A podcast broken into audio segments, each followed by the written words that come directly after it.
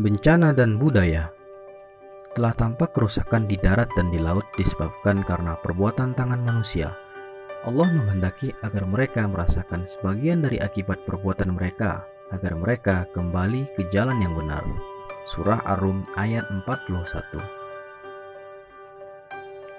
Gempuran virus corona sejak pekan kedua Februari 2020 hingga medio 2021 merupakan sebuah bencana nasional sebagaimana yang terjadi di berbagai belahan lain dunia.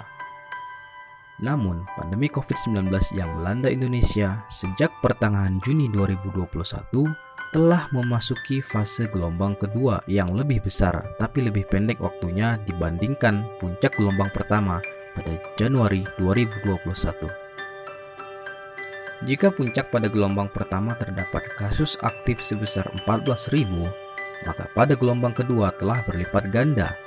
Pemerintah pada akhir April 2021 mengatakan biaya penanganan COVID-19 yang sebesar 695,2 triliun rupiah setara dengan 4,2 persen dari produk domestik bruto dan jika dihitung Total kerugian negara hingga puncak pandemi di akhir Juni 2021 ini hampir 2000 triliun.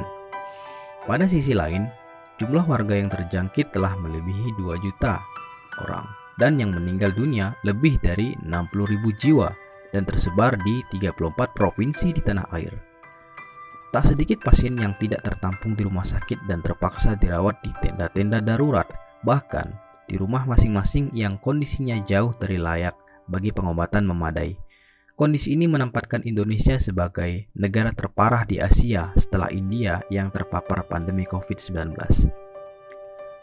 Jika mengkaji lebih saksama, ternyata dalam 30 hari tahun terakhir, ternyata di dalam 30 tahun terakhir Indonesia telah mengalami lebih dari 20 kali bencana besar dengan korban jiwa lebih dari 10.000 jiwa di luar tsunami Aceh yang merenggut lebih dari 200.000 korban. Jumlah bencana alam yang terjadi di Indonesia setiap tahunnya sejak tahun 2010 hingga saat ini bisa dikatakan di atas 2000 kejadian dengan rincian sebanyak 2238 pada tahun 2010 dan sejumlah 2576 pada tahun 2018 meski sempat mengalami penurunan bencana pada tahun 2013 yakni 1733. Data dari BNPB, Badan Penanggulangan Bencana Nasional memperlihatkan bahwa jenis bencana yang membawa dampak besar bagi kehidupan masyarakat Indonesia terdapat lebih dari 10 kategori. Hal ini tentu saja memberi peringatan bahwa bencana selayaknya menjadi salah satu hal penting dalam kehidupan sebagaimana dinyatakan oleh Toya Hideki bahwa bencana alam dapat mendorong peningkatan solidaritas dan kepedulian masyarakat. Kendati, kendati demikian, hingga saat ini kepedulian sosial dalam mitigasi bencana masih belum cukup terbangun. Sebagai contohnya adalah dua jenis bencana yang paling sering terjadi, yakni banjir dan tanah longsor, yang secara kuantitatif lebih dari setengah jumlah bencana yang terjadi setiap tahunnya dan ketika ditelusuri ternyata terjadi di akibat kecerobohan warga. Bencana dan budaya David Landes menyatakan bahwa budaya dan pembangunan memiliki keterkaitan yang erat. If we learn anything from history of economic development, it is that culture makes almost all the difference. Dalam hal ini, Pengertian budaya meliputi berbagai pola pikir, sikap, dan perbuatan manusia yang secara langsung dan tidak langsung terkait dengan bencana.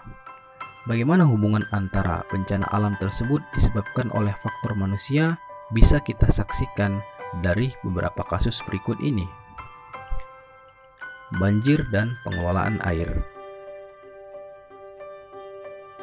Pada umumnya, Musibah banjir yang bermula dari tersumbatnya aliran sungai dan drainase di berbagai daerah berawal dari banyaknya tumpukan sampah, baik berupa plastik, rongsokan furniture, ataupun limbah dari barang-barang bekas, sehingga menyebabkan air melimpah keluar saluran dan memenuhi jalanan serta pemukiman sekitarnya. Demikian pula tatkala hujan yang tinggi air yang tumpah ke daratan mengalami hambatan untuk dialirkan ke laut karena salurannya dipenuhi oleh dipenuhi dan bahkan ditutupi oleh tumpukan sampah. Rosidi menyatakan bahwa salah satu penyebab terjadinya banjir di beberapa wilayah Kabupaten Bandung dan Sumedang adalah penurunan alih fungsi lahan, yakni kondisi rentan terhadap perubahan volume dan debit air sungai. Misalnya, kondisi hutan lingkungan hidup di Hulu, Das Citarum sangat memprihatinkan dikarenakan perambahan hutan atau penambangan liar. Demikian pula, banjir di Pulau Jawa dari tahun ke tahun juga meningkat dengan salah satu penyebab utamanya karena pembalakan liar. Bahkan, banjir yang terjadi di area pantai seperti Semarang, Lei menyatakan bahwa faktor manusia merupakan penyebab utamanya, yaitu kelalaian dalam mempertahankan pohon, kelalaian dalam mempertahankan pohon bakau, serta belum memadainya waduk-waduk penampungan air. Kebakaran hutan Kebakaran hutan yang terjadi di Sumatera dan Kalimantan disebabkan oleh keteledoran manusia. Terdapat empat faktor utama sebagai penyebab kebakaran, yaitu membakar untuk membuka lahan baru, ketidaksengajaan memunculkan percikan api lalu ditinggal pergi, memanfaatkan api untuk menyelesaikan sengketa lahan, serta aktivitas membakar lahan yang dinilai sebagai cara termudah untuk mengolah area. Kebakaran lahan ini disebabkan oleh penduduk asli maupun pendatang ataupun pengusaha yang berencana mengolah area untuk dijadikan industri. Membuang sampah sembarangan. Perilaku membuang sampah pun merupakan suatu perilaku yang tidak jarang menyebabkan bencana alam, khususnya banjir, serta kerusakan lingkungan seperti banjir dan polusi lingkungan. Perilaku membuang sampah sembarangan bukan saja dilakukan oleh masyarakat kelas bawah, tapi juga dilakukan oleh kelas menengah, sebagaimana yang dilihat pada gambar di bawah ini. Gambar 2 memperlihatkan bagaimana tumpukan sampah di lahan terbuka pada area yang sebenarnya bukan dimaksudkan untuk menampung sampah. Gambar 1 memperlihatkan perilaku seorang warga di kawasan pemukiman padat Jakarta Barat yang membuang sampah ke sungai. Perilaku bertindak seenaknya tanpa memikirkan dampak sampah yang dibuangnya tersebut akan bisa menyebabkan banjir bukan saja milik dari kelas menengah ke bawah, melainkan kelas menengah pun memiliki perilaku yang sama seperti pada gambar 3. Bahkan, Perilaku tersebut terjadi ketika petugas sedang bertugas membersihkan kali di depan matanya. Hal tersebut bukan hanya memperlihatkan perilaku terhadap sampah, tetapi mencerminkan ketidakpedulian orang yang bersangkutan terhadap upaya pihak lain yang membersihkan sampah di lingkungannya. Betapa menyedihkannya perilaku masyarakat dapat kita lihat pada dua gambar berikut ini. Pada gambar 4 gambar 5 dan gambar 6 bisa merupakan bentuk sosialisasi agar tidak membuang sampah di tempat tersebut. Tapi, hal yang lebih tepat adalah sebuah ekspresi dari keresahan dan kemarahan sebagian warga atas pula dari orang-orang yang berperilaku demikian. Kondisi yang memprihatinkan tersebut bukannya tidak diketahui oleh warga, mengingat larangan membuang sampah sembarangan telah diatur oleh berbagai peraturan daerah, peraturan di kantor, sosialisasi melalui poster, dan kampanye melalui media massa. Ceroboh dan tidak serius. Melalui riset yang dilakukan via Google Form, penulis telah menyebarkan beberapa pertanyaan yang direspon oleh 670 orang berusia 15 sampai 65 tahun yang 80% bermukim di Jabodetabek. Dari sejumlah 346 respons untuk pertanyaan Apakah Anda memikirkan dampak dari kegiatan atau aktivitas organisasi yang dilakukan? Hanya seperempatnya saja yang mengatakan memikirkan dampak dari kegiatan tersebut. Data ini memberikan indikasi bahwa masyarakat cenderung bertindak hanya pada hal-hal yang memang terkait dengan urusannya saja. Dengan kata lain, kepedulian terhadap lingkungan sekitarnya relatif rendah. Bahkan, data di bawah ini memperlihatkan bahwa lebih dari sepertiga masyarakat tidak terlalu peduli dengan lingkungannya. Dengan kata lain, masyarakat cenderung hanya memperhatikan dan peduli terhadap apa yang dikerjakan pada saat ini dan kurang memperhatikan dampak. Dengan jawaban di atas, hanya 25% saja dari responden yang terlibat dalam suatu kegiatan yang memikirkan adanya dampak secara detail dan sebanyak 40% yang mengaku cukup detail. Dengan kata lain, data di atas bisa diinterpretasikan bahwa ternyata cukup besar masyarakat yang bersikap gegabah dan bahkan bisa dikatakan menganggap enteng terhadap suatu dampak. Sikap gegabah tersebut juga dapat tercermin dari perilaku dan dari pertanyaan apakah Anda terlibat dalam laporan tertulis kegiatan yang diikutinya. Dari sejumlah 573 respon, hanya 60% saja yang membuat laporan tertulis. Artinya, hampir setengah masyarakat tidak memikirkan ataupun menyelesaikan pekerjaan secara tuntas. Hal ini bisa saja disebabkan adanya anggapan bahwa laporan bukanlah sesuatu yang penting, ada pula yang menyatakan bahwa yang dimaksudkan dengan selesainya pekerjaan adalah selesainya suatu kegiatan. Padahal, mata rantai sebuah kegiatan adalah pelaporan yang dalam banyak hal kurang mendapatkan perhatian. Perilaku yang tidak tuntas tersebut mencerminkan cara berpikir yang tidak komprehensif dan kurang memikirkan dampak jangka panjang.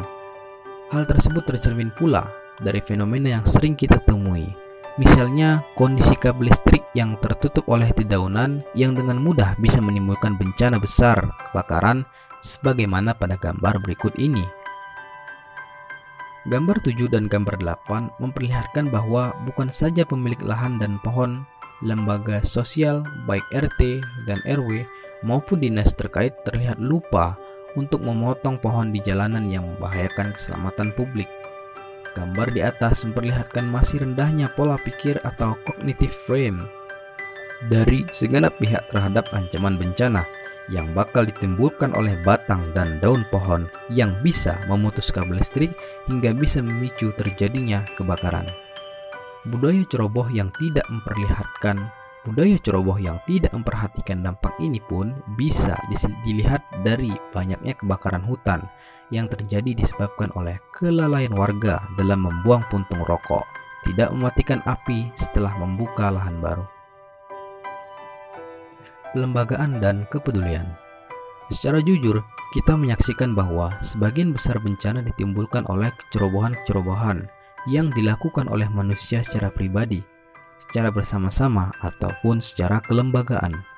Oleh karenanya, apa yang telah diperingatkan Sang Maha Pencipta di dalam surah Ar-Rum selayaknya menjadi pembelajaran bagi kita semua. Bencana wabah COVID tentunya harus segera diatasi, yakni membangun kesadaran dan kepedulian kita semua pada upaya-upaya penghentian pandemi COVID-19, yakni mengikuti arahan ahli di bidangnya dan tidak lagi mementingkan ego pribadi ataupun kenyamanan diri sendiri sebagaimana hadis Nabi Muhammad Shallallahu Alaihi Wasallam yang diriwayatkan oleh Imam Bukhari agar kita mempercayakan urusan mengatasi pandemi ini kepada ahlinya sehingga kita bisa hidup kembali seperti normal. Jika tidak, maka kita semua akan menanggung akibatnya. Kita bersyukur bahwa telah banyak upaya mitigasi bencana. Misalnya hasil penelitian Rozi di Sumatera Barat yang memperlihatkan upaya-upaya mitigasi bencana didasarkan atas kearifan lokal. Hal tersebut tertuang di dalam Peraturan Gubernur Sumatera Barat Nomor 32 pada 2002 tentang petunjuk operasional baku mengenai pengelolaan bencana dan pengungsi serta Peraturan Daerah Sumatera Barat Nomor 5 Tahun 2007 tentang pengelolaan bencana. Demikian pula dengan pembentukan Pusat Studi Tsunami dan Mitigasi Bencana di Universitas Kuala pada tahun 2006 sebagai bentuk antisipasi bencana dan pelembagaan norma-norma sosial dalam rangka mitigasi bencana. Tentunya, kita juga yakin bahwa telah banyak kearifan lokal yang terbangun dalam upaya mitigasi bencana. Semoga gelombang kedua pandemi COVID-19 menyadarkan kita semua bahwa bencana ini bisa diatasi jika kita semua peduli dan sungguh-sungguh bergerak bersama untuk menanggulanginya. Bismillah.